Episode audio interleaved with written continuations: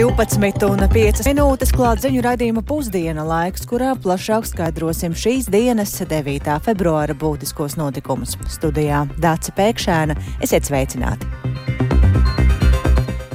Un sākam ar plašu rezonanci izraisījušo Ukrainas prezidenta Valdimira Zelenska lēmumu atbrīvot no amata bruņoto spēku līdzšinējo komandieri Valēriju Zelužniju. Viņš gandrīz divus gadus vadīja valsts cīņu pret Krievijas īstenoto karu, tagad viņa vietā iecelts Aleksandrs Sīrskis. Zelenskis pārmaiņas pamato ar to, ka ir jāaiziet no strupceļa, kas ir izveidojies frontē. Analītiķi Zelužniju atbrīvošanu vērtē dažādi, un viedoklis ir apkopojis kolēģis Uldis Česberis, kurš pievienojas man studijām. Sveiks, Uldi! Kā Zelenskis tātad pamato to savu lēmumu atbrīvot Zelužniju? Jā, labdien! Nu, jāsāk ar to, ka spriedze starp Zelenski un Zalužniju bija jūtama ilgāku laiku, jo pilna apmēra kara otrajā gadā Ukrainai neizdevās gūt kādus ievērojamus panākumus uz zemes, bet pēdējos mēnešos viss liecina par to, ka situācija frontē ir statiska, kas, nu, protams, nāk par labu agresoram Krievijai.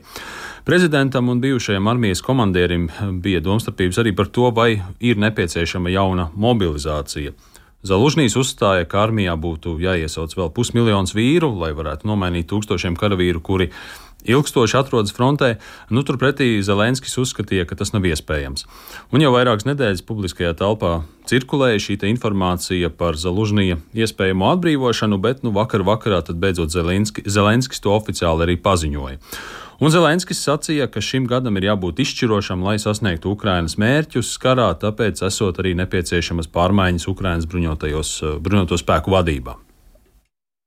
Це не про прізвище і тим більше не про політику. Runa nav par uzvārdiem un noteikti ne par politiku. Runa ir par mūsu armijas sistēmu, par Ukrainas bruņoto spēku vadību un par šī kara kaujas lauka komandieru pieredzes piesaisti. Katrs karavīrs, katrs seržants un katrs virsnieks, kurš redz frontes līniju, saprot, kādi lēmumi ir nepieciešami. Ir ievērojami jāuzlabo armijas tehnoloģiskās spējas, ir jāatjauno ģenerālštāba sastāvs. Visu līmeņu štābiem ir jāzina jāzina un jāizjūt frontes līnija tāpat kā karavīriem frontes pirmajās līnijās. Jā, Zelenskis arī paziņoja, ka viņš eh, bruņoto spēku vadību uzticēs Aleksandram Sirskim, kurš līdz šim komandēja sauszemes spēkus. Nu, Sirskis ir pazīstams ar to, ka viņš vadīja galvaspilsētas Kīivas aizsardzību pēc Krievijas pilna apmēra iebrukuma, un viņa vadībā Ukrainas spēki atbrīvoja Hersonu. Sirskis militāristu aprindās esot iesaukts par miesnieku, un tas ir tāpēc, ka viņš atšķirībā no Zalužnija ir gatavs iesaistīties cīņā ar ienaidnieku, pat ja tas maksā lielus cilvēku un tehnikas zaudējumus. Nu, tā notika kaujās par Bahmutu, ko galu galā iekaroja Krievijas karaspēks, un šī iemesla dēļ nu, Sirskis esot nepopulārs ierindas karavīru vidū. Ko eksperti saka par Zelenska lēmumu atbrīvot Zalužniju? Analītiķiem, protams, ir dažādi viedokļi par Zalužņiju atbrīvošanu. Vieni uzskata, ka Zelenskis rīkojās pareizi, jo prezidentam ir nepieciešams bruņoto spēku komandieris, kuram viņš var pilnībā uzticēties. Nu, turpretī citi domā, ka Zalužņija atbrīvošana ir nepareizs lēmums, jo tas var demoralizēt tūkstošiem ukraiņu karavīru, kuru vidū līdzinājais komandieris ir ļoti populārs. Izdevums ekonomisti uzskata, ka šis lēmums iezīmē tādu jaunu un izšķirošu kara posmu, kurā Zelenskis riskē kļūdīties. Un izdevums norāda, ka Zelenskim iecerētās pārmaiņas bruņos, bruņoto spēku vadībā būs jāveic tā, lai tas neiedragātu Ukrainas kaujas spējas. Ekoni, ekonomisti arī uzskata, ka bruņoto spēku reorganizācija ir Zelenska iespēja pārskatīt savu redzējumu par karu. Un uh, ekonomiski raksta, ka uh, Lai Ukraina spētu izturēt gaidāmo ilgstošo cīņu, tai ir jāpalielina sava noturība, un tad tiek uzskaitīts, ka militārajā ziņā tas nozīmē labāku pretgaisa aizsardzību un artilēriju, ekonomiskajā ziņā Ukrainai ir jāpiesaista investīcijas un palīdzība, kā arī jāpalielina eksporta vērtība, bet politiskā ziņā tas nozīmē, ka Zelenskis publiski no jauna apņemas cīnīties par vērtībām. Bet eh, Britu militārais analītiķis Maikls Klārks uzskata, ka Zelenska lēmums ir pamatots, jo pašreizējā situācijā eh, frontē, jo īpaši valsts austrumos, nav labvēlīga Ukrainai. Uh, Kara laikā ģenerāļus nomaina diezgan bieži un dažādu iemeslu dēļ. Ņemot vērā Ukrainas militāro situāciju un iespējamo Avdīvkas zaudēšanu, nevar uzskatīt par nepamatotu lēmumu nomainīt vienu ģenerāli pret citu, lai mēģinātu mainīt taktiku kaujas laukā. Zelenskis apgalvo, ka viņš vēlas ģenerāļus, kuri varētu izdarīt nedaudz vairāk, kuri varētu būt mazliet agresīvāki. Manuprāt, Zelenskis uzskatīja, ka Zalužņīs bija pārāk konservatīvs savos militārajos lēmumos. Tāpēc politiskais tonis varētu izmainīties, bet militārajā ziņā tas nozīmē zināmu pēctecību. Jā, nu dzirdējām uh, britu militārā analītiķa Maikla Klārka viedokli par notikušo. Jā, bet Olde, vēl viens temats, kas šodien plaši tiek apspriests, ir amerikāņu komentētāja Tākera Karlsona intervija ar um, Putinu. Kādas reakcijas uz to un cik vispār nopietni tā tiek uztvērta? Jā, nu, daudzos rietumvalstu medijos šai intervijai ir pievērsta uzmanība, jo tā ir Putina pirmā intervija kādam no rietumu medijiem kopš 2019. gada. Nu, tajā gan neizskanēja nekas jauns, jo Putins pie paša sarīkotā pilna apmēra iebrukuma Ukrainā vainoja kārtējo reizi Kīvu un arī ASV un citas rietumvalstis. Un Putins arī dižojās, ka viņa valsts ir spējusi izturēt sankciju spiedienu, un tas tikai apliecinot, ka Krieviju, Krieviju Ukrainā nevarēšot sakaut. Nu, protams, viņš tur kārtējo reizi sniedza uh, lekciju par vēsturi tādā izpratnē, kāda ir viņam, ka, piemēram, Ukraina faktiski ir izdomāta valsts, tāda nekad iepriekš nav eksistējusi.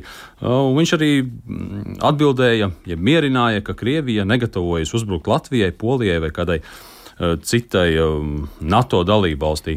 Nu, daudzi analītiķi uzskata, ka Putins šo interviju vienkārši izmantoja, lai tā teikt, iebarotu savu propagandu rietumvalstu iedzīvotājiem. Un jāsaka, ka arī Takers Karlsons. Eh, nu, Šajā intervijā neuzdeva, faktiski neuzdeva nekādus kritiskus jautājumus Putinam, tā kā Putins varēja ļoti brīvi izteikties un izteikt savas uh, domas. Nu, katrā ziņā viņam tika dota ļoti lieliska platforma izteikties. Mm -hmm. Paldies Uldim Česberim. Ja mēs vēl nedaudz atgriežamies pie Zelūžnī, tad, kā jau Uldis pieminēja, viņš ir ļoti populārs Ukraiņu vidū. Un Kā iedzīvotāji ir uztvēruši šīs pārmaiņas, tad eh, pēcpusdienā par to sazināsimies ar mūsu korespondentu Ukrainā, Kīvā, Indru Sprānci. Bet ir pagājis gads, kopš pateicībā par plašo atbalstu karā pret Krieviju pērn Ukrainas galvaspilsēta Kieva gatavojās bez atlīdzības nodot Latvijai tās izstrādāto digitālo civilās aizsardzības sistēmu, kas ir pieejama lietotājiem viedi ierīcēs. Un šobrīd sarunas par to ir noklusušas. Kīvas dāvināto digitālo civilās aizsardzības sistēmu Latvijā plāno izmantot pašvaldību, nevis visas valsts līmenī. Un Lai gan pašvaldībām to cerēja nodot jau pērn, Rīgai, piemēram, vajadzēja būt pirmajai, kas to testētu pilotprojektā. Kur šis projekts ir palicis un kas notiek ar to īstenošanu, par to ir interesējusies Agnija Lāsdiņa. Sveika, Agnija! Tad par kādu sistēmu īsti ir runa un kādas um, iespējas to izmantot un vai tā vispār tiek izmantota? Civilās aizsardzības sistēma Kyiv Digital ir platforma, kas ietver gan mobilo aplikāciju iedzīvotājiem, kas aptver civilās aizsardzības, demokrātijas un mobilitātes pakalpojumus, gan arī atsevišķu vietpilsētas pārvaldības procesu atbalstu un monitoringa risinājumus. Piemēram, Ukrainā tā brīdina par raķešu tuvošanos, norāda vietas, kur patvērties, kā arī strādā, ja ir elektroapgādes pārtraukumi. Un uh, startautiski šī sistēma ir gūsa lielu atzinību. Un, uh, Tolaik nu jau bijušais saimnes priekšsēdētājs Edvards Smiltens no apvienotā saraksta bija vizītē Ukrainā, kur ar Ukrainas amatpersonām pārunāja iespēju Latvijai pārņemt sistēmu savā rīcībā, un arī Latvijā sarunas par to tika uzsāktas. Tobrīd Smiltens izteicās, ka Latvijai pilnveidojot savu civilās aizsardzības sistēmu, kur esot novecojusi, nav jāiegulda miljoniem eiro, lai izgudrotu ko jaunu. Tā vietā vajagot izmantot sistēmas, kas jau ir radītas un arī pārbaudītas praksē. Un, līdzīgi deputāts izsakās arī šobrīd, norādot, ka būtu bezatbildīgi eksperimentēt pašiem un taisīt projektus, kas būtu ne tikai ilgi, bet arī daudz izmaksātu, lai radītu paši šādu savu sistēmu. Tāpēc Ukrainas dāvināto platformu būtu ļoti vērtīgi izmantot, jo tā būvēta gan civilajām, gan aizsardzības vajadzībām un spētu piesaistīt lielāko daļu iedzīvotāju tās izmantošanā. Šī aplikācija nozīmē, ka viņi lieto ikdienā, transporta vajadzībām, komunālo maksājumu vajadzībām, stāvvietu apmaksas, kas tik tur nav iekšā. Un dēļ tā, ka viņi ir ikdienā lietojama, lietotāju skaits ir mērāms miljonos cilvēku Kijavā. Līdz ar to kritiskā situācijā viņa ir noderīga jau civilās aizsardzības vajadzībām. Un pie tam arī drošības vajadzībām, cik viņiem palīdzēja tas, ka cilvēku uz ielas fotografēja. Ne jau visi cilvēki zina, kam sūtīt, kur valsts drošības dienests saps vai valsts policija, teiksim, visu pārsūtīt. Tur uzreiz tu ievieto fotografiju, ievieto kaut kādu video vai, vai paziņojumu ierakstu un tā tālāk. Tu arī saziņā esi ar, tu esi informācijas avots, tu esi izlūkošanas daļa tajā visā stāstā pie situācijas, ka Latvijai vienkārši nav nekā, tad tas ir kaut kas unikāls. Un, eh, kā jau tu Dāca minēji, tad eh, pirmā pašvaldība, kas piekrita sistēmu testēt pilotu, pilotu projektā, bija Rīga. Un eh, šonadēļ Rīgas mērs Vilnis Čirsts no jaunās vienotības un domas priekšsēdētāja vietniece Linda Ozola no Kots Rīgai darba vizītē apmeklēja Ukrainas galvaspilsētu Kijuvu, kur pārunāja abu pašvaldību iespējas sniegt savstarpēju palīdzību un vienojās par tālāko sadarbību informācijas un komunikāciju tehnoloģiju ieviešanas un digitalizācijas jomā. Tostarp apmeklēja Kijuvu Digital komandu viņu IT komandu centrā, un šobrīd abu galvaspilsētu mēri ir parakstījuši memorandu par sadarbību informācijas un komunikāciju tehnoloģiju ieviešanas un digitalizācijas jomā. Un, uh, kā skaidro Rīgas mērs Vilnis Čirsis, ir bijušas arī vairākas tikšanās ar ekspertiem, lai pārunātu, kādi tad ir tie pirmie soļi, kas jāspēr, lai šādu sistēmu ieviestu.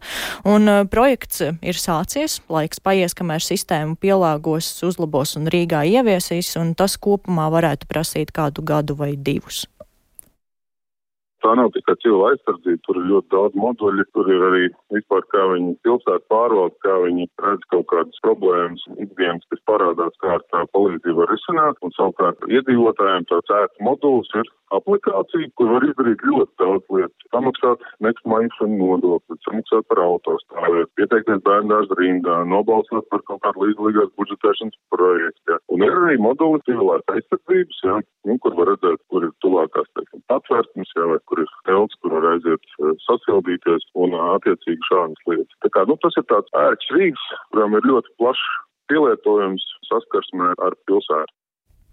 Rīgas mērs norāda, ka Rīgai ir tāda kā misija šo projektu iesākt pirmajiem, un attiecīgi, ja viņiem viss veiksmīgi izdosies, tad arī pārējām pašvaldībām būs iespēja šo Ukrainas dāvinājumu pārņemt un izmantot. Un uh, iekšlietu ministrijas valsts sekretārs Dimitrijs Trofimovs norāda, ka ir izzināts, kas ir šī sistēma un ko tā paredz, un ņemot vērā, ka tieši tajā pašā laikā tika organizēts darbs eh, gan pie specifikācijas izstrādes, gan iepirkuma procedūras organizēšanas, lai Latvijā ieviestu šūnu apraides sistēmu, tad pieņemts lēmums, ka Latvijai valsts līmenī nav iespējas izmantot dāvinājumu un, un šo sistēmu, kas eh, strādājot lokāli un ir veidota kā pašvaldības pakalpojumu portāls, attīstot tos brīdinājumu sistēmu. Latvijai ir vajadzīga sistēma, kuru ieviesīs visā valsts teritorijā un kas būs spējīga informēt iedzīvotājus efektīvā veidā. Paldies par šo ieskatu. Vairāk Agnija Lazdiņa izstāstīs raidījumā pēcpusdiena. Bet tagad par to, kā Latvijā ir mainījušās preču un pakalpojumu cenas gada pirmajā mēnesī. Ar šiem jaunākajiem datiem centrālā statistikas pārvalde nāks klajā šodien. Katrā ziņā inflācijas līmenis Latvijā un Eiropas Savienībā salīdzinājumā ar gadu iepriekš, kad janvārī bija vairāk nekā 20%, tā, tad šogad ir būtiski mazinājies. Ekonomisti ir izteikuši prognozes, ka gada inflācija janvārī varētu būt bijusi 0,7, 0,8%, atgādinot, ka vēl pirms mēneša tie bija 0,6%. Un kā šorīt redzījumā labrīt kolēģei Artai Skujai sacīja Latvijas Bankas prezidents Mārtiņš Kazāks, tad vēl mazliet pacietības un inflācijas pūķis būšot nokauts. Tas pūķis ir nospiests pie zemes, bet uh, kaut kas vēl nav inflācijas daba ir viltīga, līdz ar to nu, vēl tādu brīdiņu paciešamies. Bet labā ziņa ir tāda, ka inflācija strauji samazinājusies, monetārā politika, procentu likuma kāpums to palīdzēs nospiest uz leju, un tagad vienkārši piesardzīgi nesasteidz. Un līdz ko būs pārliecība, ka tā inflācija tiešām ir nokauta, tad arī tas likums sāks nākt lejā. Kuras tad ir vēl tās puķa galvas, kuras varētu celties augšā, ja reiz nav tāda pilna pārliecība? Tas lielākais risks ir algu kāpums, un, protams, inflācijas straujais kāpums nozīmē to, ka samazinājās. Inflācija nu jau, piemēram, Latvijā kopš pērnā gada vidus ir uh, krietni zemāka par algu kāpumu. Alga sāk atgūt savu pirktspēju. Bet šeit, protams, ir risks, ka tas algu kāpums atkal pārveļas jaunā inflācijas vilnī. Un to nu gan mēs nevaram pieļaut.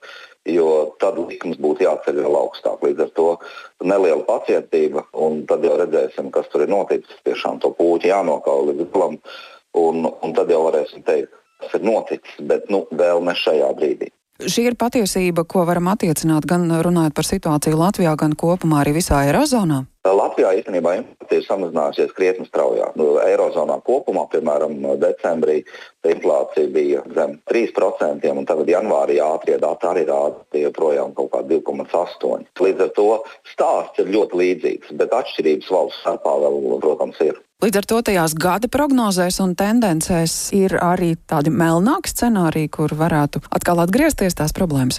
Nē, nu, protams, galvenais risks eh, joprojām ir ģeopolitika, tuvie austrumi, sarkanā jūra, karš Ukrainā joprojām turpinās, un tam, diemžēl, ir negatīva ietekme gan uz piegāžu ķēdēm, kas var sadārdzināt preču cenas, kā arī energoresursu cenas var pieaugt. Bet uh, nu, tie ir riska scenāriji, bet mēs, protams, nezinām, vai tas būs. Šajā brīdī tas labais stāsts viennozīmīgi ir, ka inflācija ir sabremzējusies, un mēs redzam, ka dažādu preču jomā tas cenas ir pat kritušās.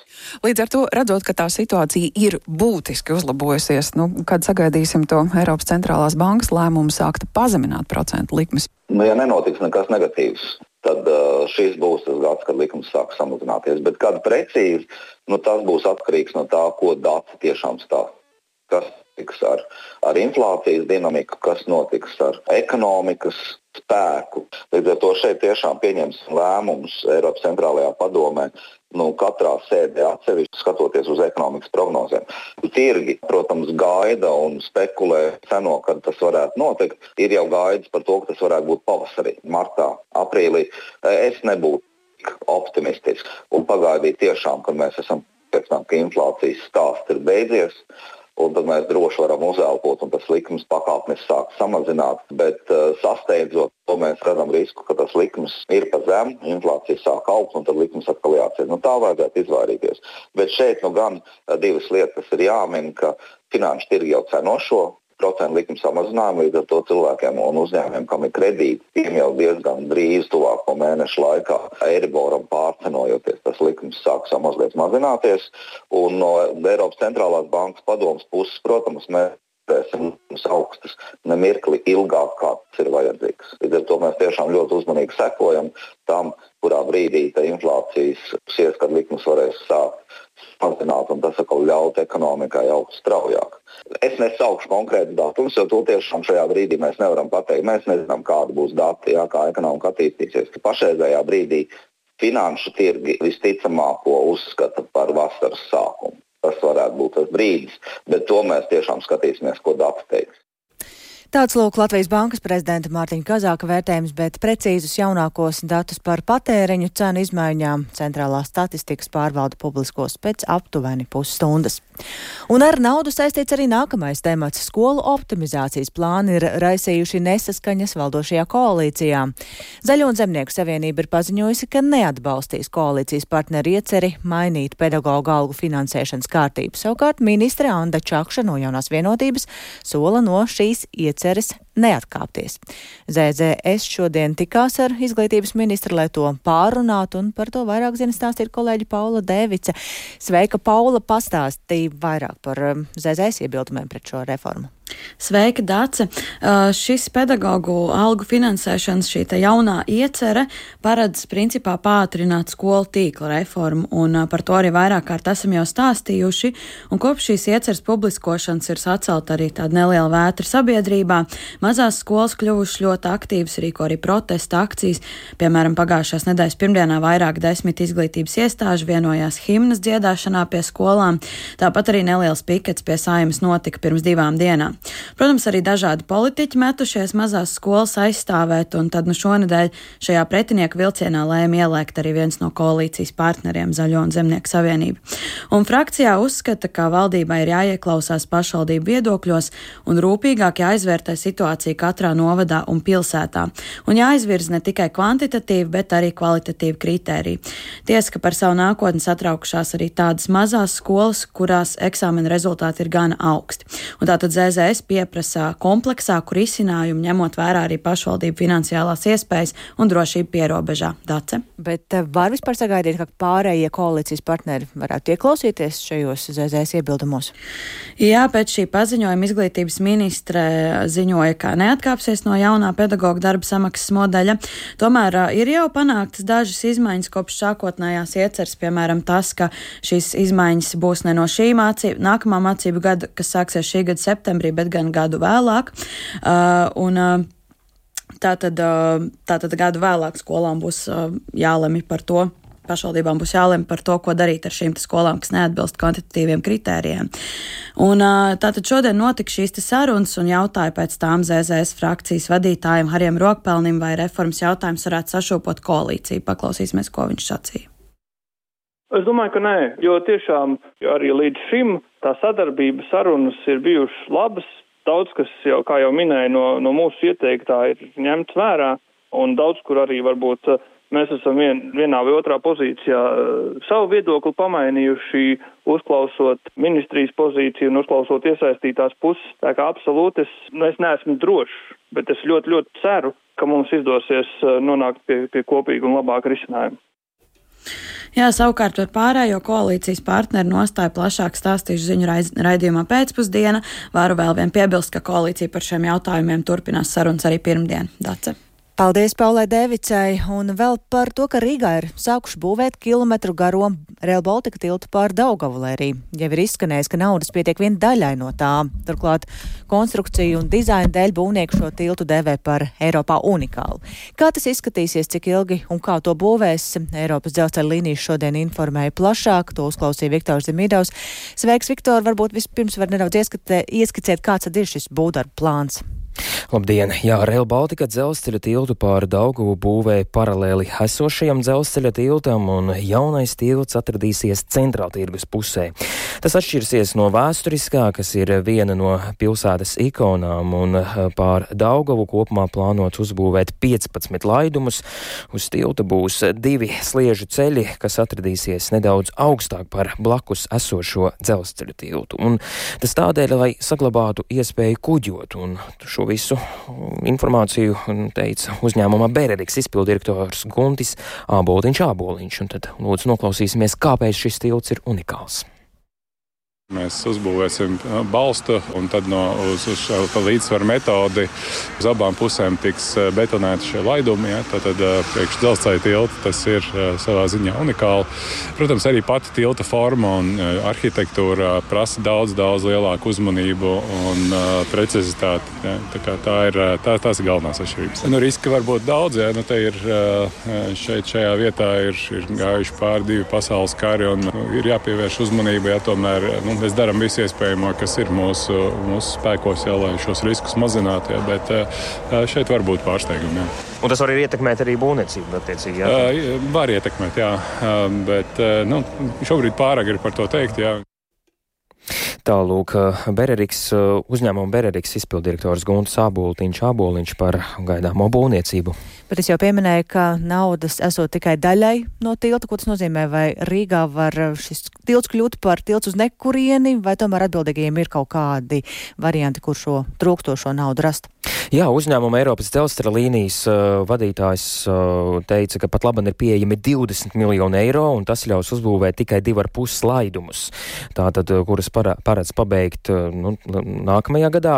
Visu tiltu varētu pabeigt 27. un 28. gadā, bet pagaidām Eiropas Savienības naudas vēl nav, nav vēl tā pieejama, un attiecīgi viņi katru reizi piesakās un tad sagaida. Es arī uh, vadītājam Kasparam Vingrim uzdevu jautājumu, vai nebūs Rīgā vēl viens tāds tilts uz nekurieni. Viņš teica, ka tā, tās Eiropas Savienības um, pēdējie, uh, pēdējie piešķīrumi viņi, un tendences liecina, ka ir, ir pozitīvas, teiksim tā, ka Uh, signāli ir labvēlīgi, bet uh, kopumā tas tilts izmaksās, uh, tā, tā, tagad ir pieejami 20 miljoni eiro, bet vēl nepieciešami vairāki desmiti miljoni eiro, un tas tosies jau iespējams pat 100 miljonam varētu būt. Nu, katrā ziņā izklausās, ka viņi ir noskaņoti optimistiski par naudas gūšanu pārējiem. Pārējai tilta daļai paldies Viktoram Damidovam par uh, šo skaidrojumu, un ar to tad arī izskan raidījums pusdiena. To producēja Ilze Agīnta, ierakstus montēja Kaspars Groskops par labskaņu rūpējās Inese Štrāla un ar jums sarunājās Dāca Pēkšēna.